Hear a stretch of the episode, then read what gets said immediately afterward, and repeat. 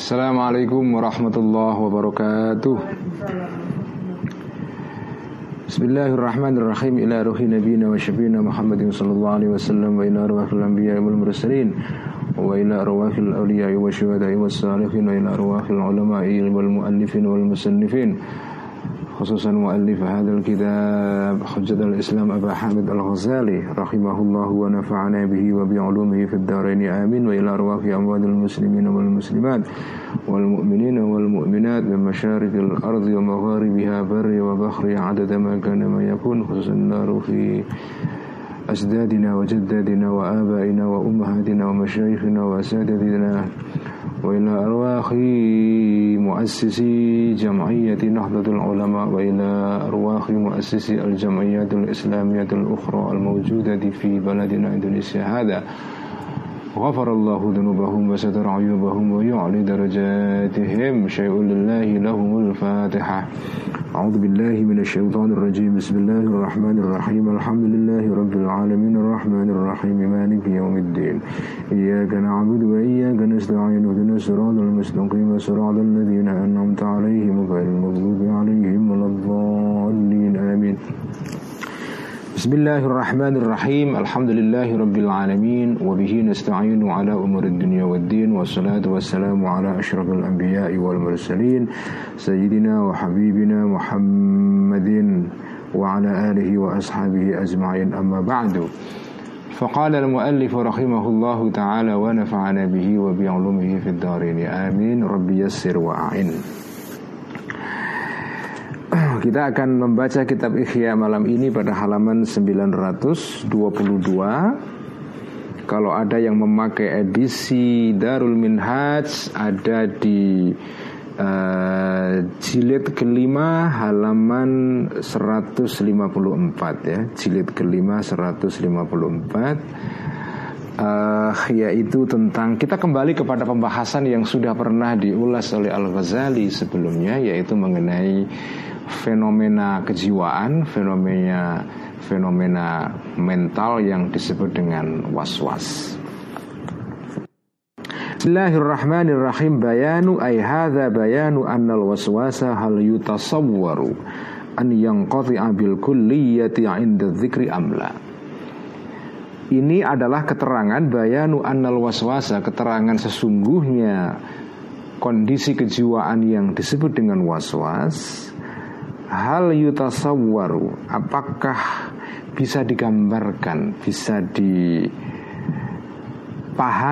ya? An yang untuk bisa putus bisa hilang sama sekali bil kulliyati sama sekali ya keseluruhan.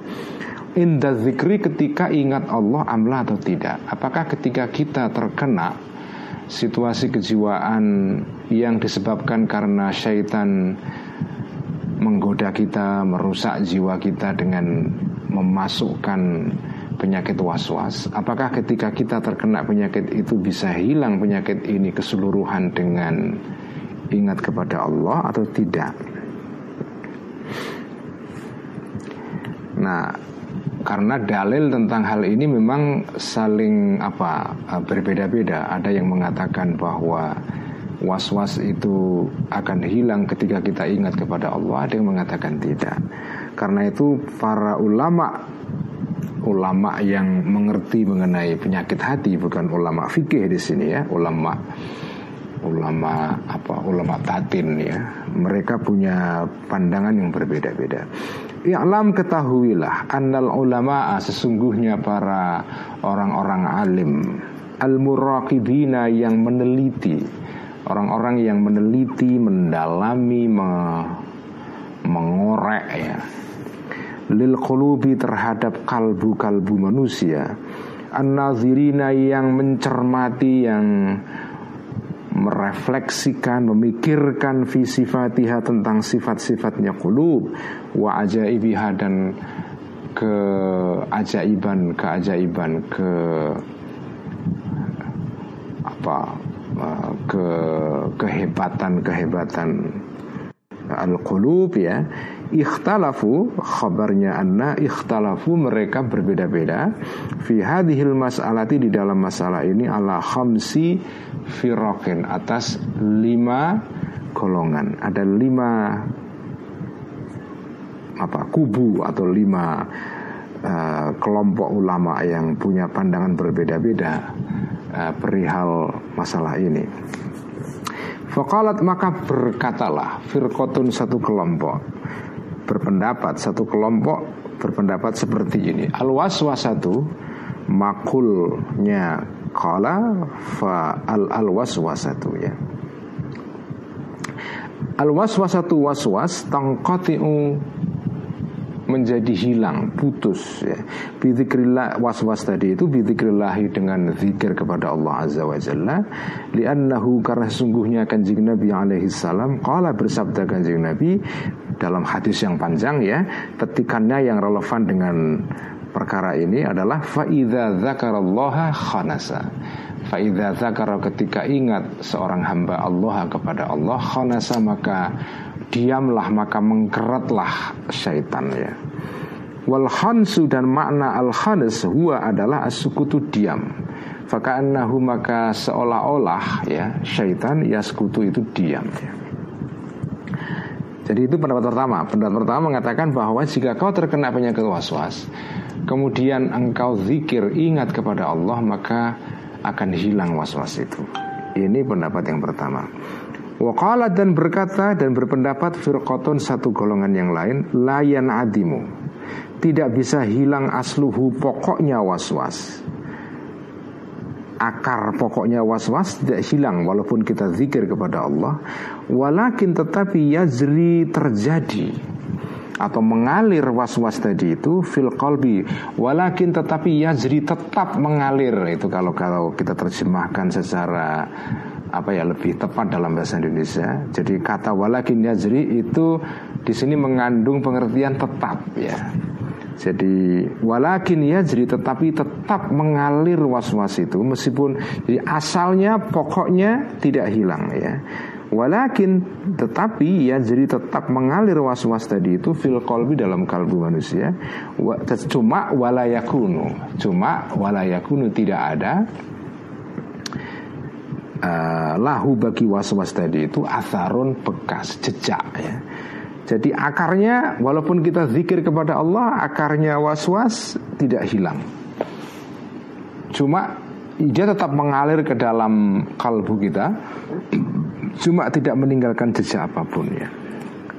Kenapa demikian? Di anal kalba karena sesungguhnya kalbu manusia idza sara ketika menjadi kalbu tadi itu mustawaban ya, mustawaban di dibalut di apa itu disamai, disampuli ya. Di wrapping itu loh kayak kalau kita naik pesawat bawa bagasi terus kemudian di ubet-ubet pakai plastik itu ya itu namanya mustawaban ya di balut nah Idza sara ketika jadi kalbu itu mustawaban dibalut Dizikri dengan zikir Allah. Karena maka adalah kalbu tadi itu mahjuban tertutup bita'as anit ta'asuri tertutup anit ta'asuri dari terpengaruh dari apa terjejai terbekasi ya Ta'athur artinya adalah terpengaruh ya bil waswasati dengan waswas. Kal masyhuli seperti orang yang disibukkan bihammihi dengan hamu dengan apa ya dengan niat kuatnya al tadi itu.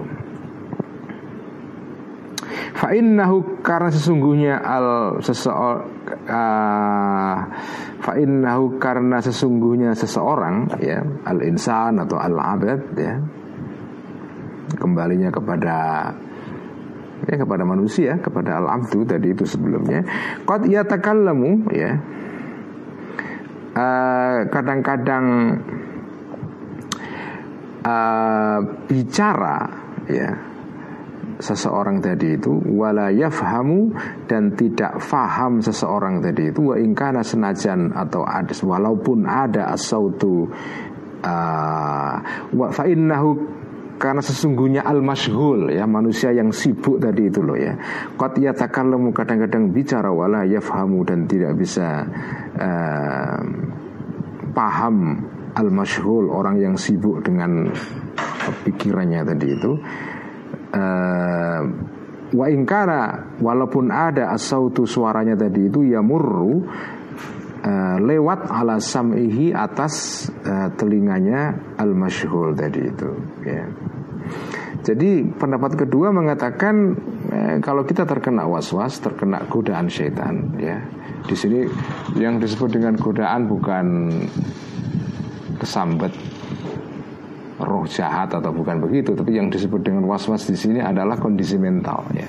Seperti sudah saya terangkan berkali-kali, was-was di sini menggambarkan situasi kebatinan kita, ya, yang uh, terombang-ambing, yang mengalami keadaan uh, confusion atau bingung kalau terombang-ambing, kehilangan rasa keyakinan ya.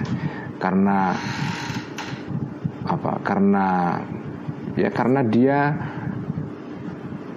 digoda atau ya di dipengaruhi oleh oleh kekuatan jahat dalam diri kita. Sehingga kita mengalami semacam apa keadaan yang bingung ya yang galau yang tidak mengalami rasa kepastian itu. Orang yang hatinya tidak tenang misalnya ya. Karena ciri khas ilmu yang datang dari Allah seperti dikatakan Al Ghazali adalah ilmu yang mendatangkan ketenangan batin Sementara pengetahuan yang menggalaukan kamu tidak semua tapi um, sebagian pengetahuan yang karakternya seperti itu, karakter yang pengetahuan yang atau pengertian yang justru membuat kamu mengalami kegalauan, kebingungan. Uh, itu yang disebut dengan was-was ya, itu datang dari syaitan itu. Nah, orang yang terkena was-was begini ya terkena godaan-godaan syaitan seperti ini walaupun dia zikir ingat kepada Allah tetap tidak bisa hilang. Cuma akarnya tetap ada dalam diri kita cuma dia tidak punya pengaruh kepada kita ya.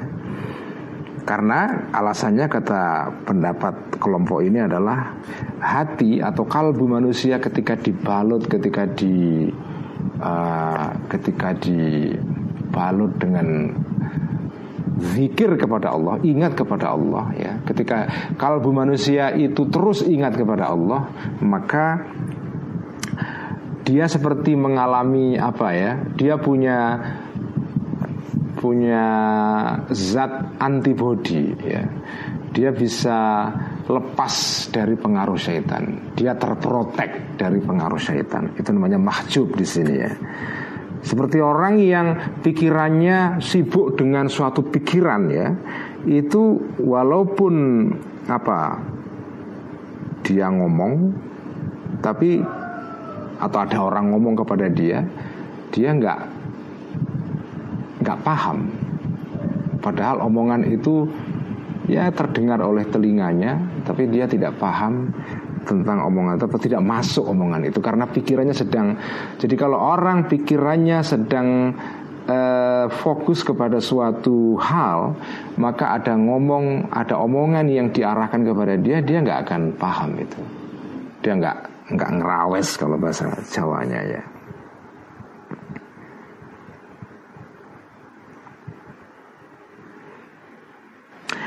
Wakalat dan berpendapat firqatun uh, kelompok yang lain ya pendapat kelompok yang lain. Yang adimu inda adzikri fi lahzatin ya.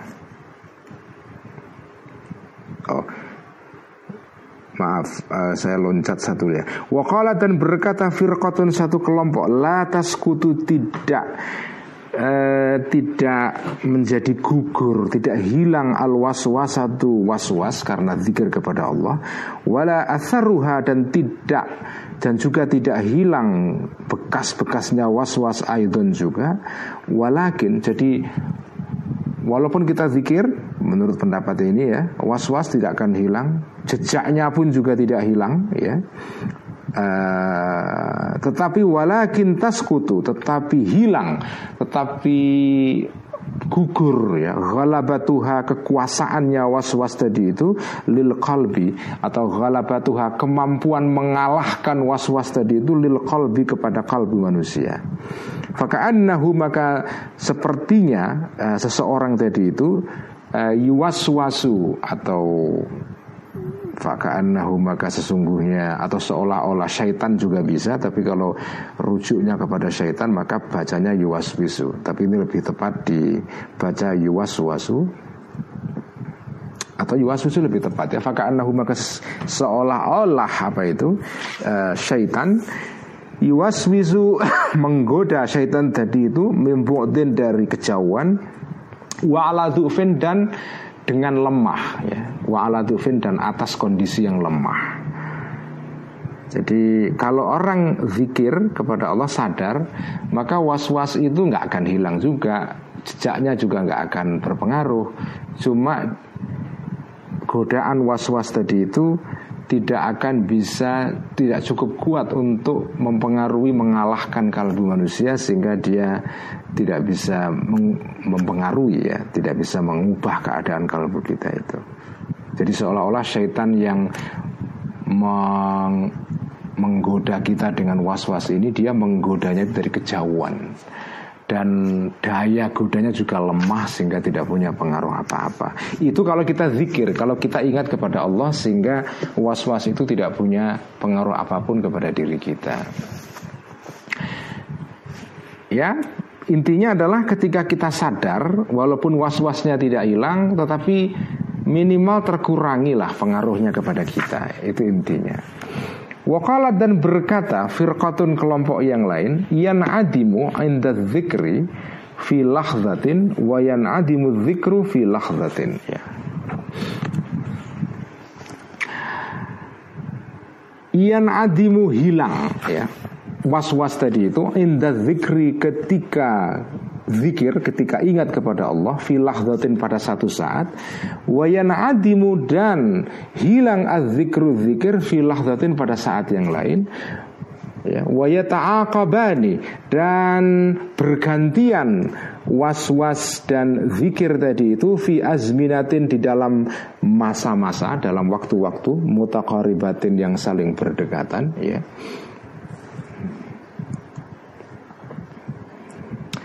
uh, mutakaribatin yang berdekatan zunnu ya atau yuzannu yang disangka apa itu uh, karena berdekatannya azminah waktu-waktu dari itu apa yang disangka annaha yuzannu um, apa um, fa'ilnya yuzannu ya annaha sesungguhnya uh, apa annaha sesungguhnya uh, sesungguhnya uh, azminah tadi itu ya maksudnya waktu yang bergantian tadi itu mutasawiqatun itu saling berlomba-lomba atau balapan ya.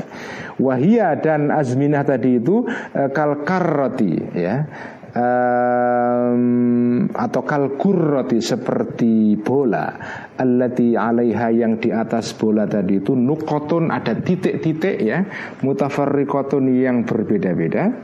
Fa innaka karena sesungguhnya engkau iza adarta ketika memutar engkau ha kepada kurroh bisuratin dengan cepat ya tuasilu maka uh, ini redaksinya apakah benar begitu dalam satu edisi? Uh, ah ini ada kesalahan redaksi di sini dalam edisi Al Minhaj ya Darul Minhaj. Uh, fa, bunyinya begini dalam edisi yang ada di tangan saya ini wahiyya kal lati 'alaiha nuqatun mutafarriqatun ya itu sama tapi yang berikutnya yang gak beda. Fa innaka dalam edisi yang di tangan saya yang saya baca ini yang ada di tangan Anda juga bunyinya adalah fa innaka idza adartaha bisur'atin tuasiluha uh, bil harakah ya Nah dalam edisi Darul Minhaj lebih masuk akal ya.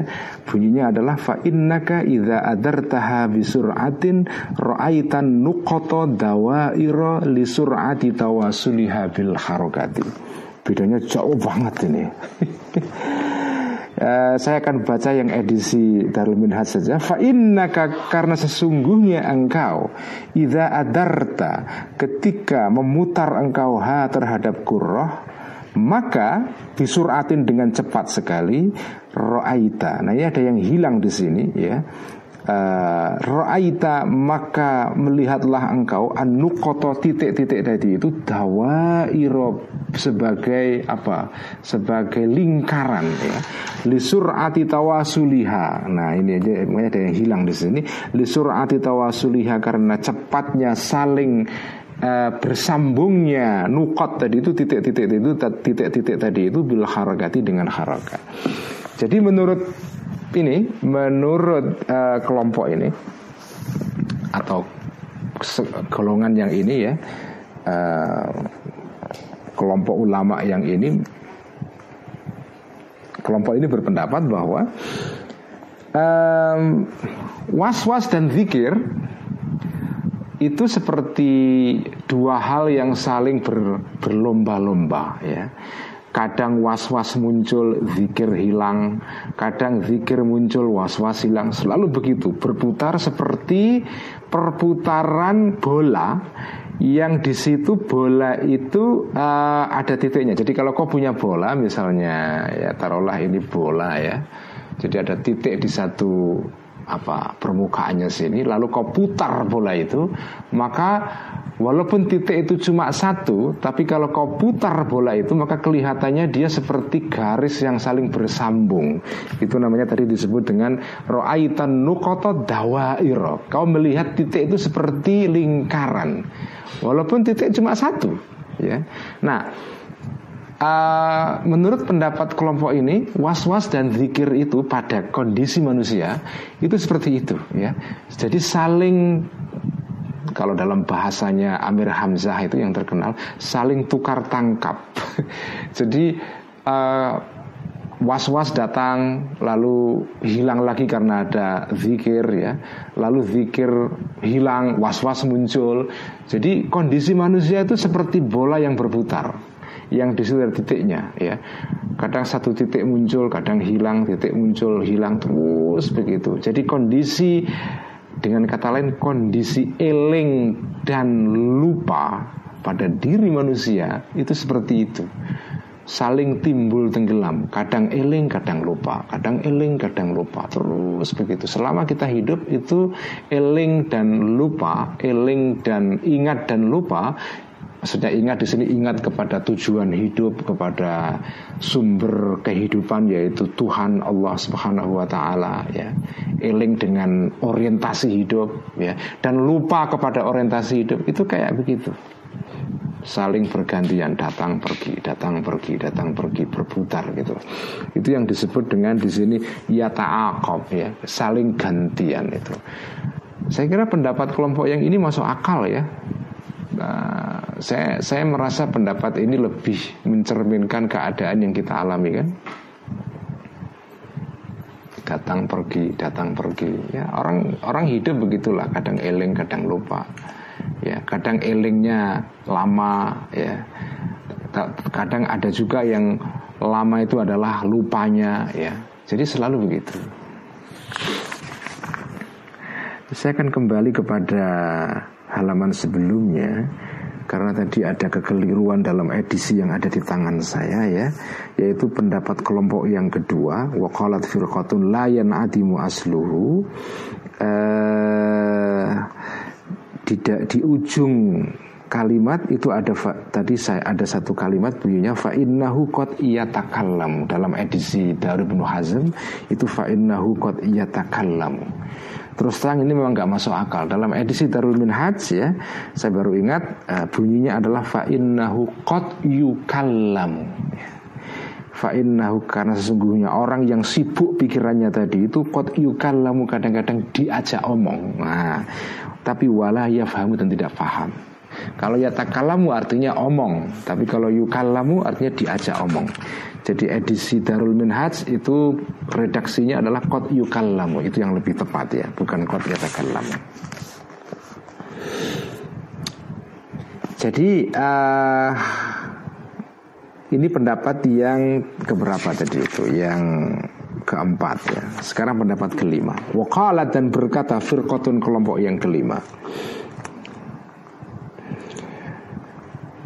Al-waswasatu pendapat yang kelima ini ya agak mirip dengan pendapat yang keempat. Al-waswasatu waswas wa dan zikir ya tasawakani itu saling berdatangan. Itu ya tasawak ya uh, dari kata saukun artinya adalah menggiring. Jadi yatasawakoni saling datang menggiring ya atau saling beriringan ya. Fiddawami dalam keadaan uh, selalu dalam keadaan abadi ya. Alal kalbi yatasawakoni saling berdatangan atau saling beriringan ya. Fidawami dalam keadaan terus menerus alal kolbi terhadap atau atas kalbu manusia. Tasawukon secara beriringan lah yang kotiu yang tidak putus-putus ya. Jadi ya hampir sama menurut saya pendapat yang keempat dan kelima ini ya. Uh,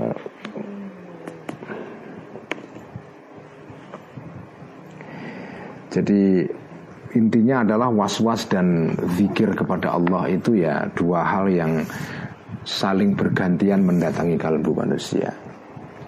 Wa kama annal insana dan sebagaimana sesungguhnya manusia qad yaro kadang-kadang melihat bi'ainaihi dengan dua matanya insan tadi itu syai'aini dua perkara fi halatin dalam satu keadaan wahidatin yang satu.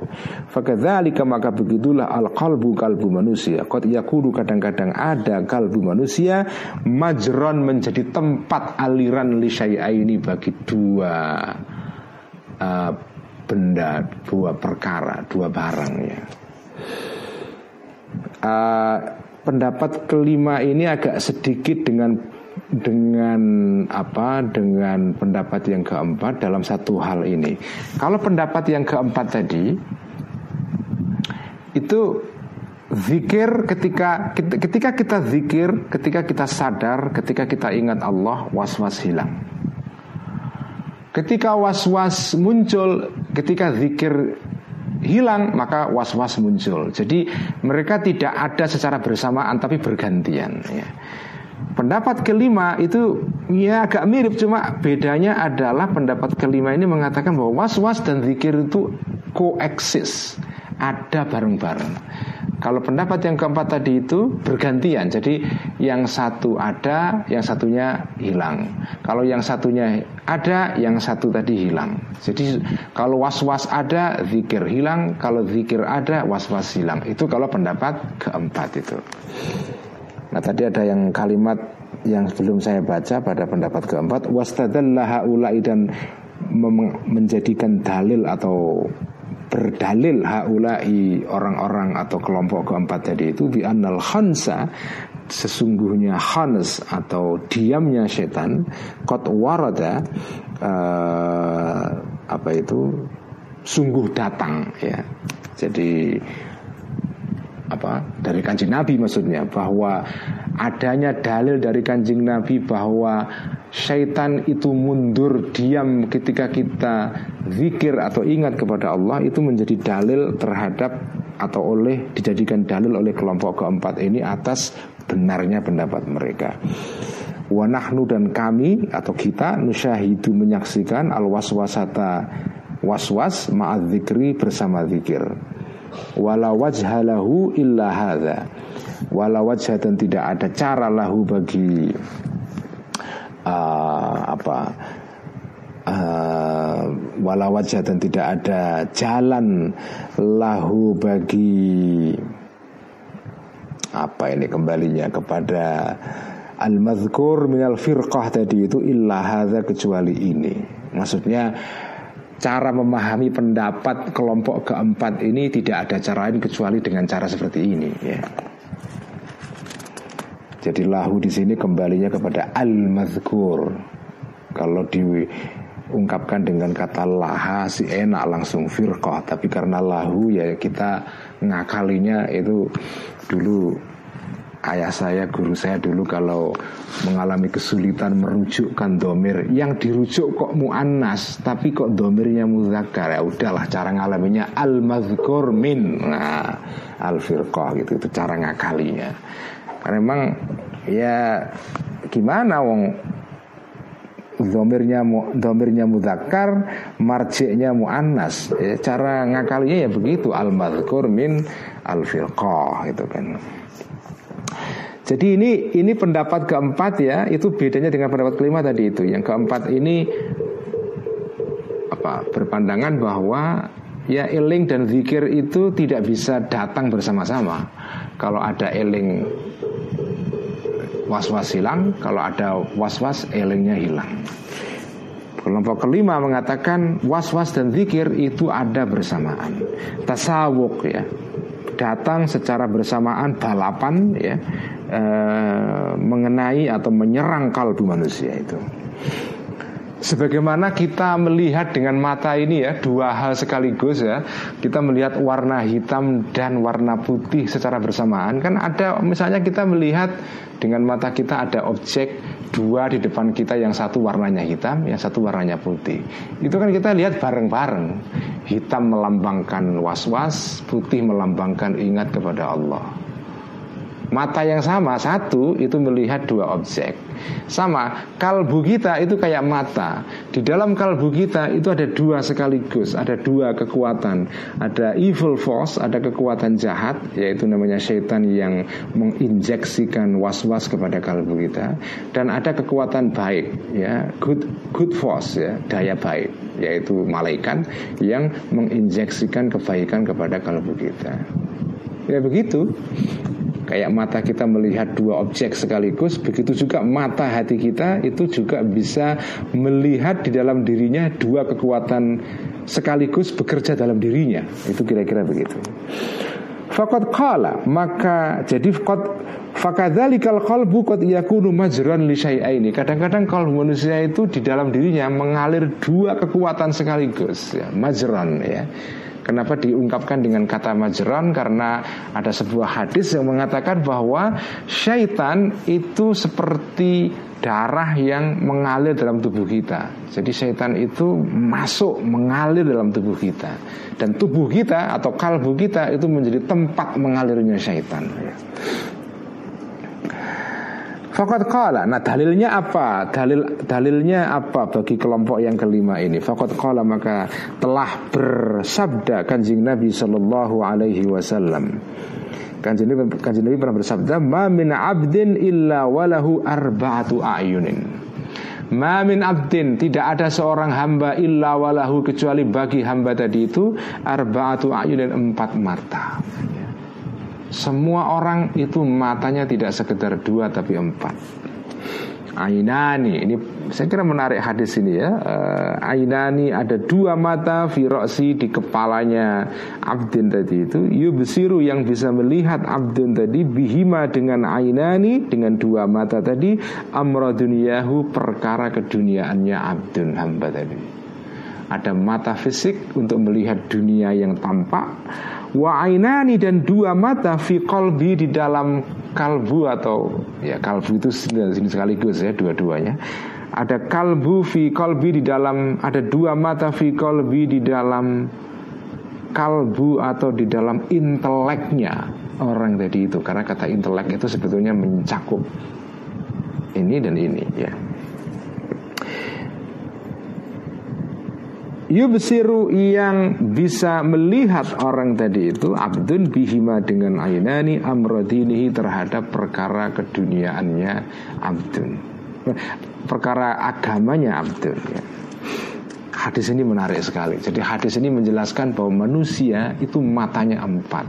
Ada mata lahir, ada mata batin, ada mata esoterik, ada mata eksoterik, ada masa, ada mata luar, mata zahir, yaitu di luar ini melihat ke alam sekitar. Ada mata batin yang melihat ke dalam. Ya yang melalui mata batin itulah manusia memikirkan, merefleksikan, me, apa, mengerti, memahami perkara-perkara yang terkait dengan agama. Kalau mata luar itu ya dipakai sebagai alat untuk mengobservasi. Mata mata fisik itulah yang menjadi alat pengetahuan untuk bekerja. Sementara mata batin itu alat bagi agama untuk bekerja. Dalam diri manusia ada ada dua jenis mata itu ya. Ya tentu saja ini bagi orang yang kemarin saya terangkan berkali-kali ya. Uh, Ini hanya berlaku bagi orang yang pandangan dunianya itu adalah dua lapis. Orang yang pandangan dunianya itu uh, double Yaitu percaya kepada alam lahir Ya jelas semua orang itu sama. Nggak ada orang yang tidak percaya kepada barang lahir ini ya mungkin kecuali kaum sofis ya atau kelompok asufis toiyun dalam sejarah filsafat Islam itu orang yang meragukan kenyataan lahiriah ini ya. dianggap semua maya ya kecuali mereka tapi umumnya orang percaya kita melihat ada ada barang-barang yang tampak di luar ada meja ada kursi ada mobil ada handphone jam ada gelas semua itu ada Mbak Admin di depan saya ya. Itu semua kita lihat dengan mata lahir saya. Nah ada mata lain yang dalam diri kita. Nah itu orang yang percaya kepada barang gaib ya. Ada alam gaib ya. Alam al malakut nah dia dia kalau orang yang percaya kepada alam gaib ya seperti itu maka dia percaya bahwa dalam dirinya ada mata batin yang bisa dipakai untuk melihat perkara-perkara, memikirkan perkara-perkara yang terkait dengan masalah keagamaan. Tapi kalau orang pandangan dunianya hanya satu sisi saja, bukan double, ya orang hanya percaya kepada barang lahir saja. Orang yang pandangan dunianya adalah materialistik, ya menganggap apa pun yang tidak ada wujud materialnya itu omong kosong, ya ya ya nggak punya mata batin. Ya dia matanya hanya mata lahir saja. Dia hanya percaya hal-hal yang bisa dilihat dengan mata ataupun bisa dilihat dengan apa alat yang menjadi perpanjangan mata. Apa mikroskop teleskop atau benda-benda lain yang menjadi alat bantu bagi manusia untuk apa melihat atau mengobservasi hal-hal yang ada di sekitar dunia kita ini. Jadi itu uh, mata orang itu dua ya. Nah hadis ini menandakan bahwa ya manusia itu di dalam dirinya atau kalbunya itu bisa menampung dua hal tadi itu ya kekuatan jahat kekuatan uh, baik ya was-was dan zikir. Karena memang ada dua, ada dua, ada empat mata tadi itu mata yang menghadap keluar, ada mata yang menghadap ke dalam. Wa ilahada dan kepada yang ini, kepada pendapat ini, zahaba berpendapat al muhasibi Imam Muhasibi. Uh, al Harith al Munas al Muhasibi salah satu tokoh sufi awal ya yang pendapat-pendapatnya banyak dikutip oleh Al Ghazali. Jadi Al Al Harith Al Muhasibi Imam Al Harith Al Muhasibi pendapatnya seperti ini ya bahwa was-was dan zikir itu koeksis ada secara bersamaan pada diri manusia. Nah sekarang Al Ghazali bagaimana pendapatnya menghadapi lima pendapat tadi itu. Nah ini yang menarik. Kadang-kadang Al Ghazali ini tidak seluruhnya mengutip plek apa yang dikatakan oleh ulama-ulama sebelumnya, ulama-ulama tasawuf ya. Beliau kadang-kadang punya pendapat sendiri yang independen. Makanya kitab Ihya ini ya sebagian mengutip pendapat-pendapat para ulama sebelumnya, tetapi Al Ghazali juga sering punya pendapat yang otonom yang orisinal. Nah, contohnya ini, ini pendapat Al Ghazali yang orisinal ya. Wasahihu dan yang benar indana menurut saya Al Ghazali. Anna kulla hadhil. Sesungguhnya semua pendapat ini sahihatun benar. Kata Al Ghazali, semuanya tepat. Cuma walakinna kullaha tetapi semuanya qasiratun kurang atau tidak mencapai anil ihatati dari meliputi bi asnafil waswasi dengan seluruh jenis waswas ya. Jadi semua madhab ini adalah benar cuma benar dari satu sisi saja Tapi dia tidak bisa komprehensif mencakup seluruh jenis-jenis was-was ya. Wa inna dan sesungguhnya hanya melihat ya Innama itu lil hasr ya.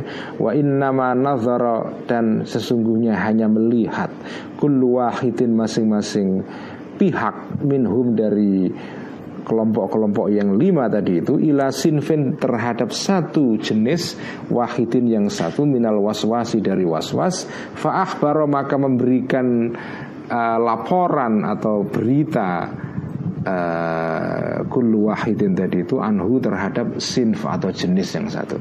Jadi masing-masing kelompok ini memandang, mengobservasi, menelaah masalah was-was ini dari satu sisi saja, ya.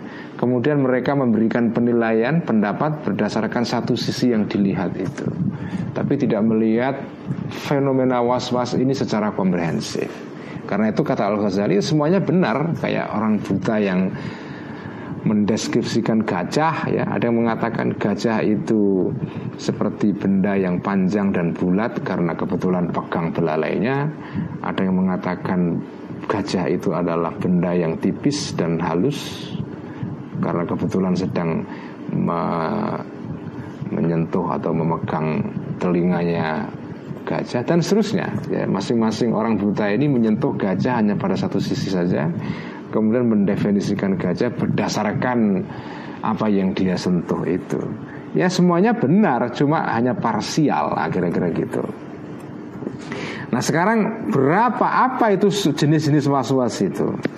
Nah ini menarik di sini kita akan membahas soal jenis-jenis kondisi kejiwaan manusia dilihat dari sudut teori psikologinya Al-Ghazali ya. Was-was ya was-was itu berapa sih jenisnya itu? Apa saja itu? Wal waswasu dan waswas asnafun ada berjenis-jenis ya. Al awalu yang pertama an yakuna adalah waswas tadi itu min jihati talbisi dari arah talbis memberikan penggambaran yang keliru disimulasi ya. Bil ya terhadap atau talbisi me, menyerupakan. Bil haki dengan sesuatu yang benar atau bil haki dengan sesuatu yang benar ya. Jadi was-was itu jenis yang pertama itu uh, adalah jenis was-was yang datang. Caranya adalah syaitan itu memberikan penggambaran yang apa keliru terhadap kita mengenai sesuatu yang hak ya. Jadi ada sesuatu yang hak tapi kemudian atau sesuatu yang batil tapi kemudian di presentasikan ditampilkan oleh syaitan kepada kita dalam bentuk sesuatu yang hak ya. Kan biasa begitu. Ada sesuatu yang sebetulnya itu salah, jahat, tetapi syaitan dengan cerdiknya memberikan apa uh, tampilan atau membungkus yang batil itu dan ditampilkan kepada kita dalam bentuk sebagai sesuatu yang benar. Atau atal bisbil hak itu ya sesuatu yang benar tetapi kemudian oleh syaitan di dikaburkan bentuknya sehingga dia tampak sebagai sesuatu yang jelek gitu. Nah, jadi itu talbis. Talbis itu bisa dua dua jalan. Yang jahat ditampilkan sebagai sesuatu yang benar atau yang benar ditampilkan sebagai yang jahat. Itu itu proses terjadinya talbis ya. Dalam bahasa populernya ya disimulasi. Mem, melakukan distorsi terhadap sesuatu itu namanya talbis ya. Itu cara kerja pertama was-was ya. At-talbis bil haq. Fa inna syaitana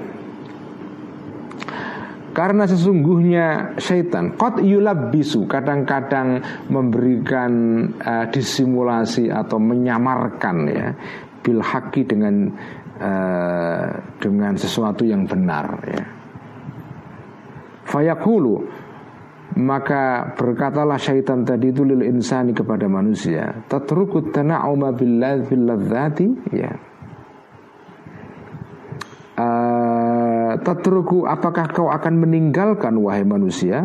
Tana'uma untuk menikmati billadzati dengan kesenangan hidup ya. Kamu mau meninggalkan kenikmatan hidup ini ya, yang begitu berwarna-warni. Fa'inal umrok ini, ini cara syaitan menggoda kita ya. Kamu serius mau meninggalkan dunia kira-kira gitu. Dunia yang keren begini ini yang luar biasa hebat dan dahsyat sekali uh, perkembangannya. Kamu kamu tinggalkan semua itu. Padahal fa'innal umroh sesungguhnya umur manusia tawilun itu panjang. Dan wasabro dan bersabar anis syahwati untuk meninggalkan syahwat. Tulal umri sepanjang umur umur yang panjang tadi itu alamuhu sakitnya sabar semacam itu azim adalah berat kamu serius mau meninggalkan dunia yang penuh dengan kenikmatan ini Padahal umurmu masih panjang Kok masih muda Masih punya Kok baru umur 20 25 tahun masih punya umur panjang Sampai 60 70 Padahal meninggalkan dunia, menahan-nahan diri meninggal meninggalkan dunia dengan seluruh kenikmatannya itu kan menyakitkan banget ya. Jadi ini kan cara syaitan menggoda kita ya. Jadi kau sudah punya tujuan yang benar, tapi yang benar itu kemudian di apa? dikaburkan ya dengan cara dipersoalkan statusnya benar kamu meninggalkan dunia ya bukankah nah, jadi gitu kan sesuatu yang sudah sudah mau kau sesuatu yang benar yang sudah mau kau lakukan kemudian dikaburkan oleh syaitan dengan cara diberikan sudut pandang yang lain ya. Itu mengenai talbis ya. Talbis bil hak ya. Mengaburkan perkara yang hak gitu dengan diberikan uh, perspektif lain yang seolah-olah meragukan yang benar itu. Itulah itulah namanya talbis ya. Jadi tadi saya katakan talbis itu talbis terhadap kebenaran, talbis bil hak itu bekerja dengan dua cara. Cara yang pertama ini sudah benar dikaburkan kebenarannya atau salah dikaburkan kesalahannya ya.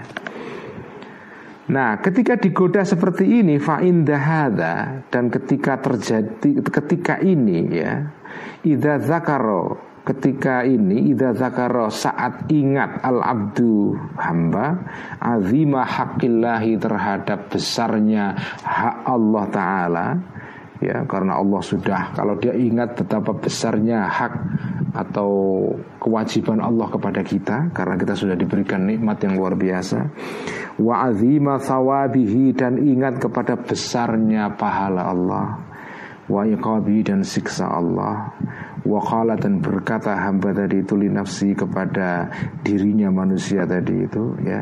Lalu dia berhasil membujuk meyakinkan dirinya dengan mengatakan As-sabru syahwati syadidun. Memang betul As-sabru menyabarkan diri Menahan anis syahwati terhadap Kesenangan-kesenangan hidup. Syadidun adalah berat.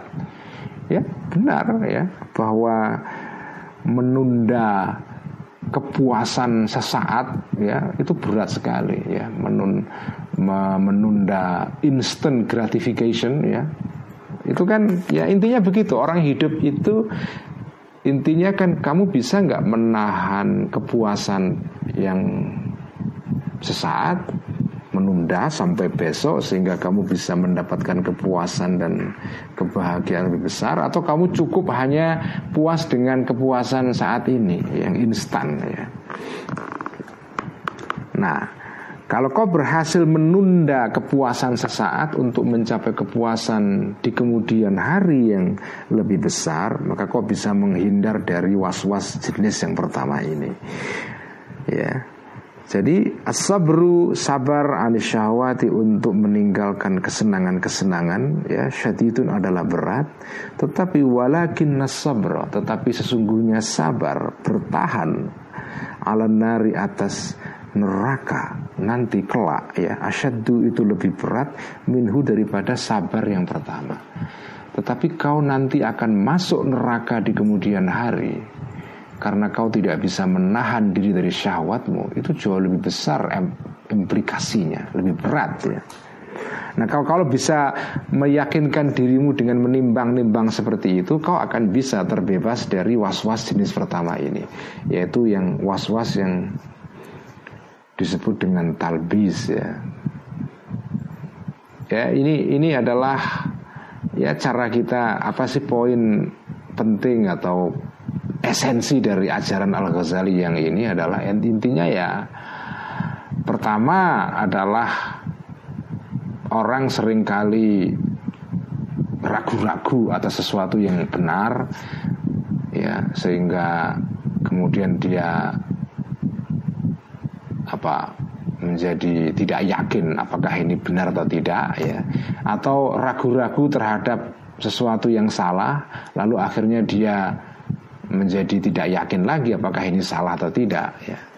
Jadi itulah namanya was-was. Was-was yang terjadi karena kita dikaburkan pandangan kita oleh syaitan dalam diri kita ya.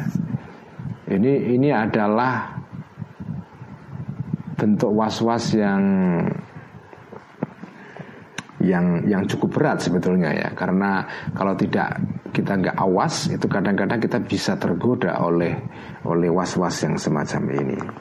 Yang kedua ya pelajaran dari sini ya itu tadi ya kalau kita bisa menunda kepuasan sesaat untuk mencapai kepuasan di kemudian hari yang lebih besar ya kita akan bisa terhindar dari uh, was-was yang seperti ini.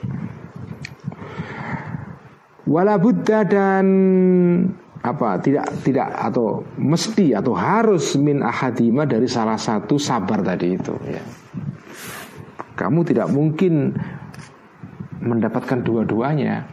Ya mendapatkan kesenangan saat ini sekaligus kebahagiaan di kemudian hari. Itu nggak bisa. Kadang-kadang dalam hidup ini kita tidak bisa dapat dua hal sekaligus ya sering kali begitu. Dapat enak sekarang juga enak di kemudian hari itu nggak ada itu. Kalau kau ingin dapat keuntungan di kemudian hari itu harganya ya harus kau tinggalkan kesenangan sekarang. Dengan kata lain kalau pakai bahasa ekonomi kamu harus trade off. Harus tukar. Menukar kepuasan saat ini dengan kepuasan di masa depan. Atau kau menukar kepuasan di masa depan dengan memfokuskan diri kepada kepuasan saat ini Tapi dapat dua-duanya nggak bisa Hidup itu sering kali kita harus mengorbankan satu untuk mendapatkan yang lain mengorbankan kesenangan sementara untuk kesenangan yang lebih abadi. Nah, itu namanya trade off ya. Wala buddha min ahadima itu artinya kamu harus pilih salah satu. Ya. Nggak nggak bisa dua-duanya. Kamu nggak bisa ya dapat setan ya dapat gusti Allah itu nggak bisa ya. Karena itu nggak bisa ketemu. Kamu dapat setan ya nggak dapat gusti Allah. Dapat gusti Allah nggak dapat setan gitu ya. Faidah zakar maka ketika ingat al abdu seorang hamba wa'dallahi taala terhadap janji Allah taala. Janji baik maksudnya. Wa wa'idahu dan ancamannya Allah taala. Wajad dan meng, memperbaharui seorang hamba tadi itu imanahu kepada imannya hamba tadi wa yaqinahu dan keyakinan hamba tadi khanasa maka akan mundur akan diam asyaitanu syaitan wa dan lari jadi kalau seorang hamba itu eling lalu memperkuat dan memperbaharui lagi imannya, maka setan akan pergi. Kenapa? Idla yastati'u karena tidak mungkin syaitan tadi ya atau idla yastati'u karena tidak mungkin ya uh, an yakula untuk mengatakan syaitan tadi itu uh, Idla yastatiu karena tidak mungkin syaitan an yakula untuk mengatakan syaitan lahu kepada hamba tadi itu ya. Gak mungkin syaitan mengatakan kepada kau dengan cara mengecoh ya. Hei manusia anar sesungguhnya neraka. Anar neraka aisaru lebih ringan minas sabri daripada sabar atau bersabar alal maasi kepada atau terhadap hal-hal yang maksiat ya. Kan gak mungkin syaitan kemudian menggoda kamu dengan cara atau membujuk kamu dengan mengatakan neraka itu lebih ringan bebannya daripada kamu sabar meninggalkan kesenangan duniawi. Sekarang kan nggak mungkin. Nggak mungkin setan itu mengatakan bahwa kesenangan menunda atau apa kerugian karena kamu kehilangan memperoleh kesenangan besar di kemudian hari itu lebih ringan bebannya daripada kamu kehilangan kesempatan menikmati kesenangan sekarang. Kan nggak mungkin. Ya. Nggak mungkin setan mengatakan rugi di akhirat itu nggak apa-apa dibanding dengan rugi sekarang. Itu kan nggak bisa ya. Nggak masuk akal karena nggak logik ya. Kalau dikatakan rugi di dunia lebih ringan daripada rugi di akhirat itu masuk akal tapi kalau sebaliknya setan mengatakan sebaliknya itu pasti kamu logik kamu nggak bisa terima nah kalau kau ingat kepada Allah kemudian berpikir secara logik tadi itu aku lebih baik mencapai kebahagiaan abadi daripada kebahagiaan saat ini. Kau ingin, kau ingat dan eling seperti itu, maka setan dengan sendirinya nggak akan masuk untuk, nggak bisa masuk untuk menggoda kamu. Dia akan lari itu. Ya ini semacam ekonomi apa? Ekonomi uh, dunia batin kita ya, apa? Itu kan kayak perhitungan untung rugi kan dalam melihat menimbang-nimbang antara kebahagiaan di kemudian hari atau kemudian atau kebahagiaan saat ini ya.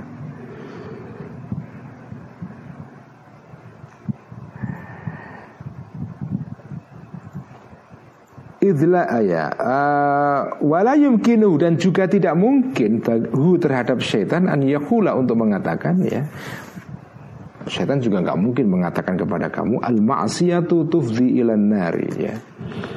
La tufdi al ma'siyatu maksiat la tufdi tidak bisa mendatangkan ilan nari kepada neraka. Syaitan juga nggak mungkin menggoda kamu dengan mengatakan maksiat itu ya tidak akan berimplikasi atau nanti pada akhirnya membawa kamu ke neraka. Kan nggak mungkin juga ya. Kalau kau melanggar hukum Allah kamu tidak akan mendapatkan konsekuensi apa-apa. Itu kan nggak mungkin setan mengatakan begitu karena itu nggak logik ya. Kalau kau melanggar hukum moral ya kamu akan dapat karmanya.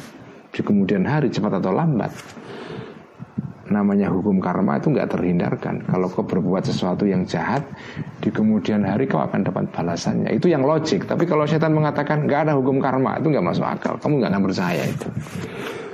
Dengan kata lain kalau kau sadar eling itu setan tidak akan mungkin mentalbis kamu Mengaburkan, membingungkan kamu dengan memasukkan gagasan lain yang membuat kamu ragu-ragu ya. Membuat kamu was-was ya. Itu nggak mungkin itu Kalau kamu ingat Dengan kata lain Was-was yang jenis ini ya itu bisa dihilangkan dengan zikir kepada Allah Tadi kan katakan dikatakan oleh Al Ghazali kan semua pendapat lima yang sudah disebutkan tadi itu benar semua, cuma parsial.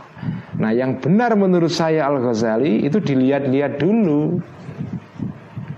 Was-was yang mana? Kalau was-was yang ini maka treatmentnya begini. Zikir itu efektif berguna, tapi kalau was-was yang ini ya kadang-kadang nggak berguna, ya gitu. Jadi tergantung was-was jenis mana. Jadi Al Ghazali di sini pendapatnya adalah uh, apa uh, melihat masing-masing was-was secara spesifik ya case by case ya.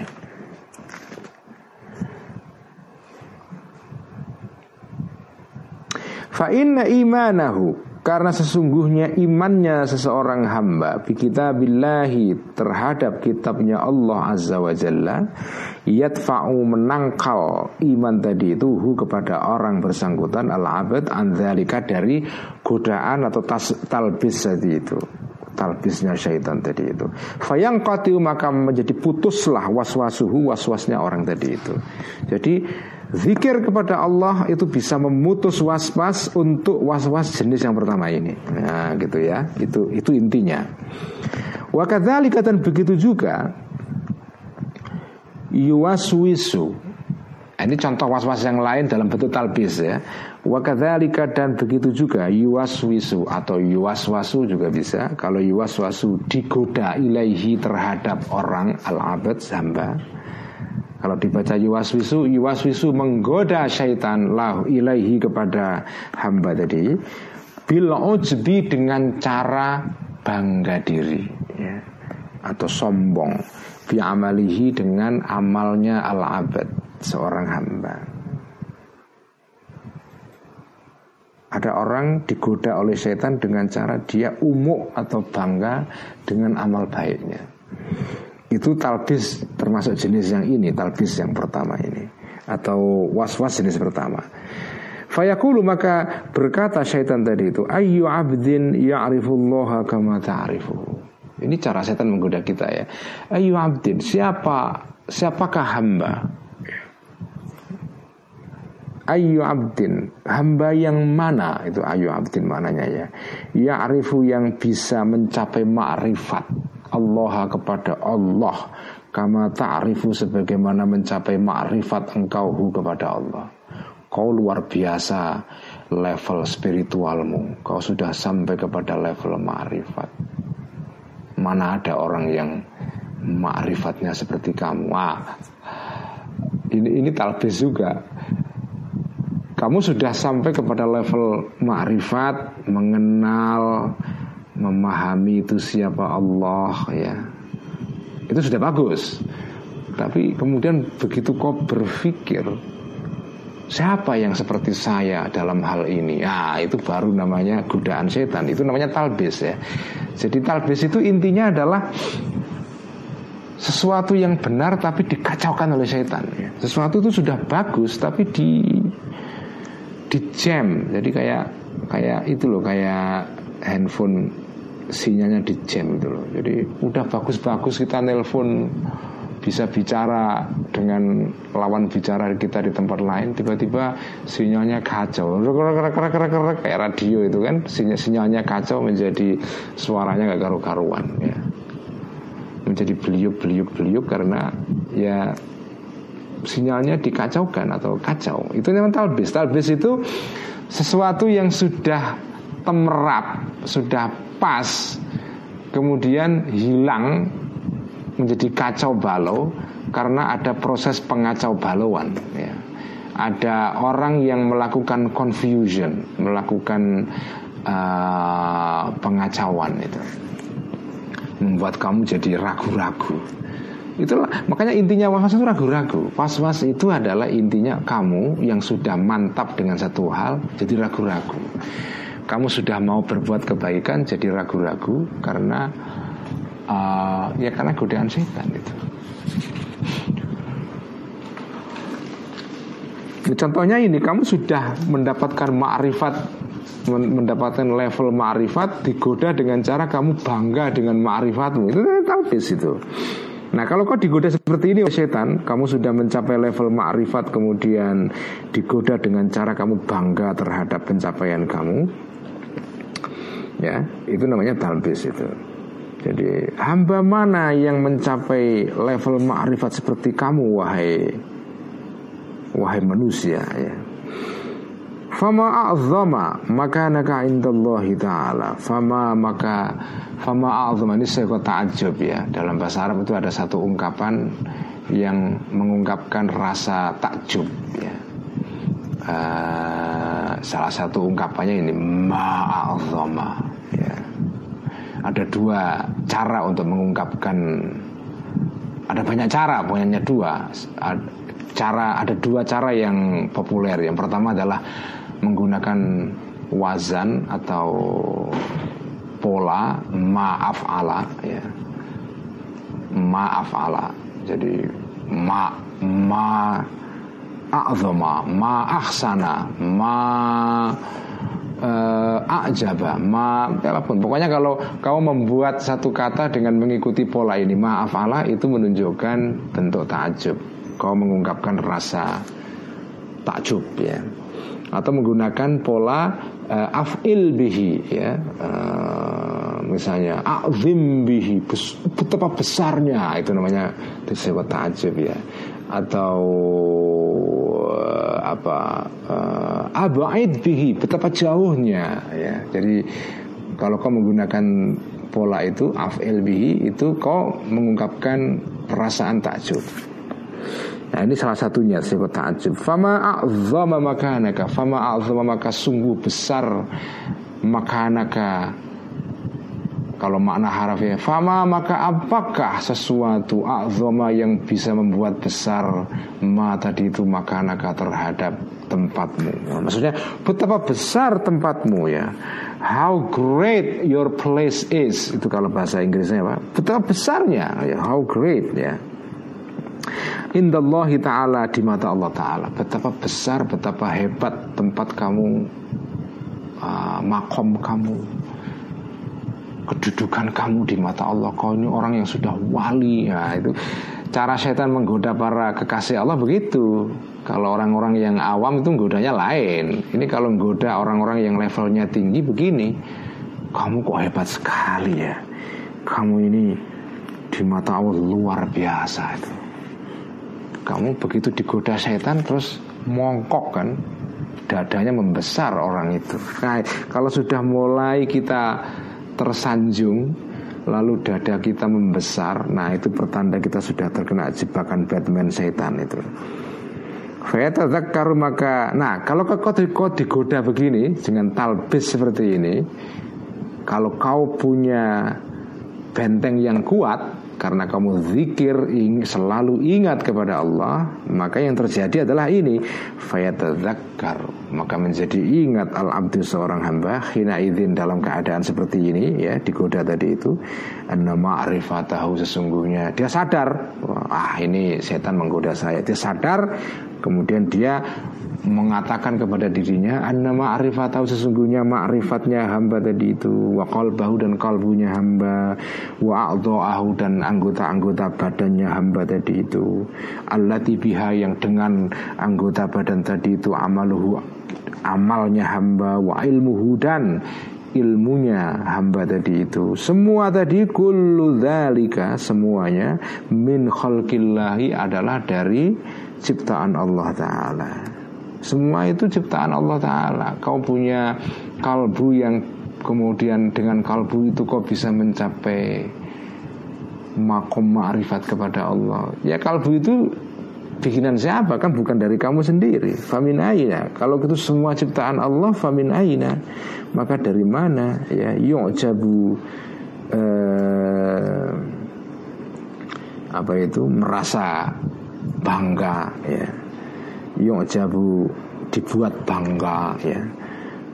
Uh, al abad tadi itu bihi ya dengan dengan tadi itu dengan semuanya tadi itu dengan ma'rifah qalb dengan dengan ya, dengan semuanya tadi ma'rifah qalbu a'dhu dan seterusnya ya Nah kalau kau ingat kau eling pada saat digoda setan seperti itu fayah nasu maka menjadi mundur mengkerat diam asyaitonu syaitan. Jadi elingmu itu membuat setan pergi lari dia terbirit-birit ya. Idlayum kinu karena tidak mungkin hu Tidak memungkinkan hu terhadap syaitan. Karena syaitan juga nggak mungkin. Setelah kau eling Menggoda lagi gimana? Misalnya menggoda. Seperti ini juga nggak mungkin. An yakula untuk mengatakan syaitan Laisa hadha minallahi Laisa hadha tidak ada semua tadi itu ya. Kalbumu, ma'rifatmu, anggota badanmu Itu semua laisa tidak ada. Hadha ini semua minallahi ta'ala Dari Allah ta'ala. Kan nggak mungkin dia mengatakan itu kan semua bukan buatan Allah. Kan nggak mungkin dong nyatanya buatan Allah. Artinya nggak ada cara lain tidak ada kiat lain bagi setan untuk menggoda kamu setelah kamu ingat itu. Fa'innal ma'rifata Karena sesungguhnya ma'rifah pengetahuan Wal iman dan iman Yadfa'u menangkal semua tadi itu Hu terhadap uh, was-was ya iman dan ma'rifat itu menangkal semua terhadap godaan seperti ini. Nggak bisa ya. Terhadap talbis ya. Fahada maka ini naun adalah satu jenis satu satu tipe minal waswasi dari waswas. Yang kotiu yang ya atau yang kotiu hale. Dalam keadaan ini yang kotiu di sini tarkibnya adalah hal ya bukan sifat yang qatiu uh, bisa menjadi hal bisa juga menjadi khobar dari mutada yang dibuang. Wahwa yang qatiu ya. Yang kotiu menjadi gugur. Was-was tadi itu bil kulliyati semuanya adalah arifina dari orang-orang yang arif yang ma'rifat yang mencapai makom ma'rifat al mustabsirina yang bisa melihat binuril imani dengan cahaya iman wal ma'rifat dan ma'rifat kepada Allah jadi jenis was-was yang pertama ini bisa hilang karena zikir eling kepada Allah. Jadi di sini Al Ghazali memberikan konteks kepada pendapat kelompok yang pertama yang mengatakan bahwa was-was itu bisa hilang secara keseluruhan dengan zikir kepada Allah. Pendapat kelompok yang pertama benar, tapi benar sejauh menyangkut jenis was-was yang pertama. Ya. Makanya kan Al-Ghazali mengatakan semua pendapat ini benar kok, cuma benar untuk konteks tertentu itu ya. Saya akan teruskan satu jenis lagi nanti kita akan berhenti ya. Asinfu uh, jenis waswas athani yang kedua adalah aniyakuna. Ada waswasuhu waswasnya seorang hamba itu adalah atau waswasnya syaitan iblis ya. Atau menggodanya iblis ya. Jadi hu di sini kembali kepada syaitan bisa kepada syaitan juga bisa kalau kau kembalikan kepada syaitan itu kata was-was itu diidofahkan kepada fa'il. Kalau hunya kembali kepada hamba manusia was-was itu diidofahkan kepada maf'ul. Bagaimana kita mengetahui ini? Ya siaknya saja ya. Kalau kau paham artinya kalimat ini Kau bisa merujukkan domir sesuai dengan uh, konteks yang beda-beda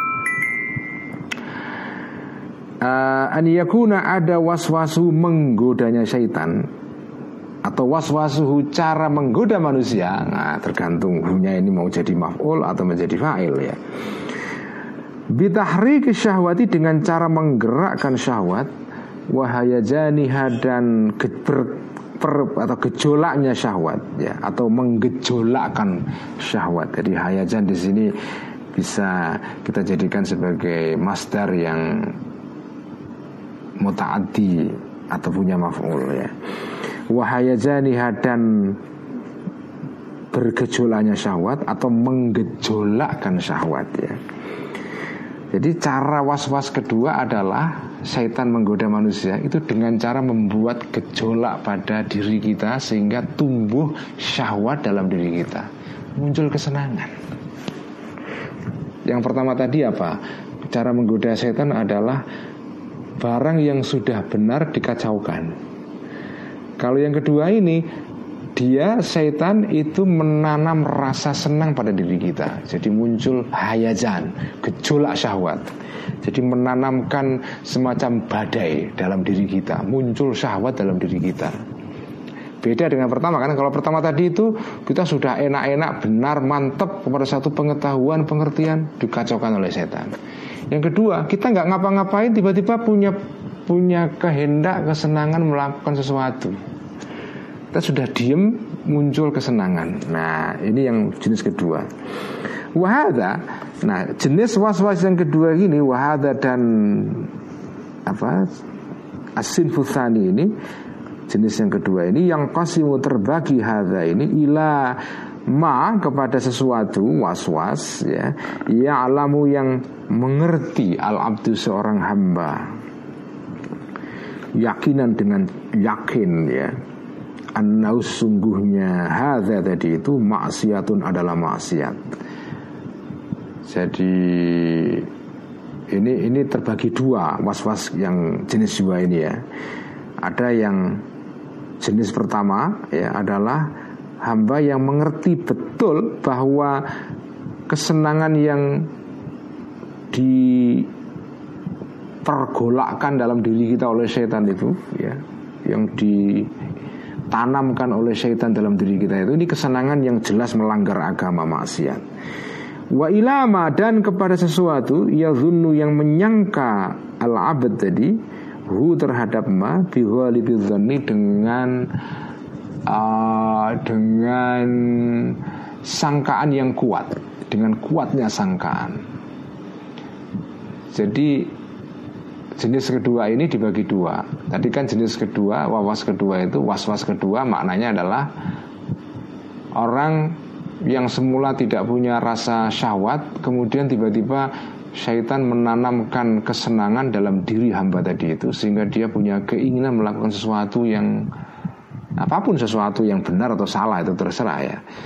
Nah, was-was jenis kedua ini itu dibagi dua. Ada sesuatu, ada was-was yang di mana orang atau kita tahu ini salah jelas. Atau kita jenis kedua atau kita tahu bahwa kemungkinan besar ini salah Ghalibudhan nggak mesti salah total tapi kemungkinan ini syahwat yang salah itu. Jadi kita nggak yakin tapi kayaknya most likely ini salah. Maksiat ya. Fa'in alima. Nah sekarang karena jenisnya dua maka hukumnya juga beda-beda. Fa'in alima jika tahu hamba tadi itu terhadap barang atau was-was tadi itu yakinan secara yakin. Kalau dia ngerti betul bahwa was-was ini adalah was-was yang atau syahwat tadi itu melanggar agama Maka kau kau ngerti dan kemudian kau mundur tidak jadi melakukan barang itu Khonasa maka diam maka mengkeret asyaitonu syaitan antah izin dari me, apa, menimbulkan gejolak yuathiru yang bisa meninggalkan bekas atau mempengaruhi fitahri kesyahwati dalam menggerakkan syahwat. Kalau kau sadar tahu betul ini maksiat melanggar perintah Tuhan, maka syaitan kemudian mundur dan tidak lagi ingin menanamkan syahwat yang bisa apa menggerakkan syahwat kamu. Nah, tetapi walam yahnas dan tidak mundur syaitan tadi itu anitahiji dari menimbulkan gejolak ya. Wa ingkana eh, bukan wa ingkana ya ingkana ya. Jik, sebentar saya cek di edisi Darul Minhaj ya. Apakah wain atau in ya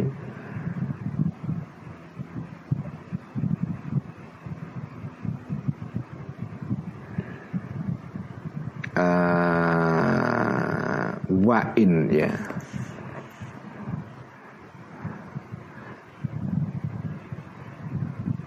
Wa in kana ya. Wa in, dalam Darul Minhaj dalam edisi Darul Minhaj juga wa in kana uh, walam yahnas dan tidak mundur tidak apa diam syaitan. Anitahiji dari menimbulkan gejolak syahwat dalam diri manusia ya. Wa ingkana walaupun ada sesuatu tadi itu maznunan uh, sesuatu yang disangka maksiat itu ya. Saya kalau lebih lebih tepat merasa lebih tepat ini dibaca ingkana karena kalau wa inkana nggak masuk akal ini ya. Wala Allah sawab ya kemungkinan ini ingkana maznunan. Jika ada sesuatu tadi itu maznunan itu disangka maksiat. Maksudnya adalah Jadi kalau kau ya tahu betul bahwa syahwat yang ditanamkan syaitan ke dalam diri kita itu jelas melanggar Tuhan Pasti kamu akan sadar nggak akan melakukan. Tapi kalau kau kau nggak yakin ini maksiat atau enggak, ini halal atau enggak, itu syaitan tidak akan mundur, masih berusaha menggoda terus ya. Itu maknanya nama madnunan. Jadi la Allah sawab mungkin yang benar redaksinya adalah ingkana madnunan nggak pakai wawu ya saya cek di Darul Minhaj pakai wawu di sini juga pakai wawu dalam edisi Darul Hazm tapi tadi konteks kalimatnya itu it doesn't make sense, nggak masuk akal ya. Jadi lebih tepat diungkapkan walam yahnas dan tidak mundur syaitan anit tahiji dari menimbulkan gejolak syahwat ingkana jika ada was-was tadi itu maznunan adalah sesuatu yang bersifat zonni masih uh, 50-50 ya. Jadi kalau yang ditanamkan dalam diri kita itu adalah sesuatu syahwat yang masih 50-50 ini ya kemungkinan maksiat kemungkinan tidak. Itu setan akan terus berusaha menggoda kita itu. Farub bahwa maka kadang-kadang yap kau tetap atau menetap bertahan ya uh, was-was tadi atau syai farubama yabqa maka kadang-kadang bertahan was-was tadi itu uh, muathiron sebagai sesuatu yang mempengaruhi ya bihaitsu yahtaju sehingga ya bihaitsu yahtaju sekiranya atau sehingga membutuhkan was-was tadi itu ila muhzahadatin untuk memerangi fitaf ini di dalam menangkal was-was. Jadi kalau itu sesuatu yang zonni, ghalibudz kamu nggak yakin betul ini maksiat atau tidak, itu kamu untuk melawan was-was seperti itu itu butuh tenaga ekstra. Karena kamu nggak yakin ini halal betul atau enggak. Jadi kamu harus meyakinkan betul ini maksiat ya. Ini salah. Jadi itu kalau jenis was-was yang kedua tadi itu tapi masuk di dalam tipe yang tadi itu zonni ya. Fatakunul. Nah jenis yang kedua ini Was-was jenis kedua ini Fatakunu maka adalah al was-was satu was-was Maujudatan ada Walakin naha tetapi was-was ini Madfu'atun bisa ditangkal Ya bisa diatasi Tetapi Ghairu ghalibatin uh, Tidak bisa mengalahkan jadi kalau was-was jenis kedua ini memang bisa ditangkal, tapi pengaruhnya masih tetap apa ya? Eh, tidak bisa hilang sama sekali. Ya. Jadi dia tetap ada, tapi untuk menghilangkannya kamu harus butuh tenaga ekstra. Ya. Jadi eh, dia bisa ditangkal dan tidak bisa mengalahkan diri kita, meskipun tetap bertahan dalam diri kita karena dia tadi itu. Eh, dia karena masuk dalam jenis yang tadi itu ragu-ragu itu ya masuk dalam kategori yang zonni ini was-was benar atau ini adalah maksiat betul atau tidak itu. Nah di sini Al Ghazali sepakat dengan pendapat kelompok yang kedua ya yaitu pendapat kedua tadi mengatakan Pokoknya was-was akarnya tidak hilang, dia tetap bertahan, cuma tidak berbekas. Nah, ini ini ini ini ini adalah berlaku untuk was-was jenis kedua. Was-was jenis kedua sub kedua. Nah, tadi kan dikatakan was-was jenis kedua ini adalah dalam bentuk muncul syahwat. Nah, dibagi dua lagi. Kalau syahwat itu jelas-jelas maksiat, kamu yakin itu mudah ditangkal. Tapi kalau was-was berupa syahwat ini tipenya adalah tipe yang kamu tidak yakin betul itu maksiat atau tidak, ini butuh tenaga ekstra untuk menangkalnya. Mungkin, nah itu masuk dalam kategori kedua tadi itu di atas. Pokoknya tidak bisa dihilangkan, tetapi pengaruhnya bisa ditangkal. Ya, dengan cara apa? Ya dengan cara kita berusaha keras mujahadah itu. Jadi di sini Al Ghazali mencoba untuk mendudukkan masing-masing pendapat dari lima kelompok di atas sesuai dengan kategori spesifik was-was jenis yang mana. Inilah jenis yang kedua ya. Oke, kita berhenti di sini malam ini kita teruskan jenis ketiga besok malam as-sinfut ya. Wallahu a'lam bissawab. Oh ya, uh, pengumuman malam ini ya, jadi kita akan berhenti di sini. Wallah alam bisawab. Uh, besok malam kita akan libur pengajian untuk kitab Himayatul Kanais fil Islam, tetapi hari minggunya kita akan ngaji. Nah, jadi besok malam libur, malam Senin kita akan ngaji lagi. Sekian kita tutup dengan bacaan hamdalah alhamdulillahirabbil alamin. Wassalamualaikum warahmatullahi wabarakatuh.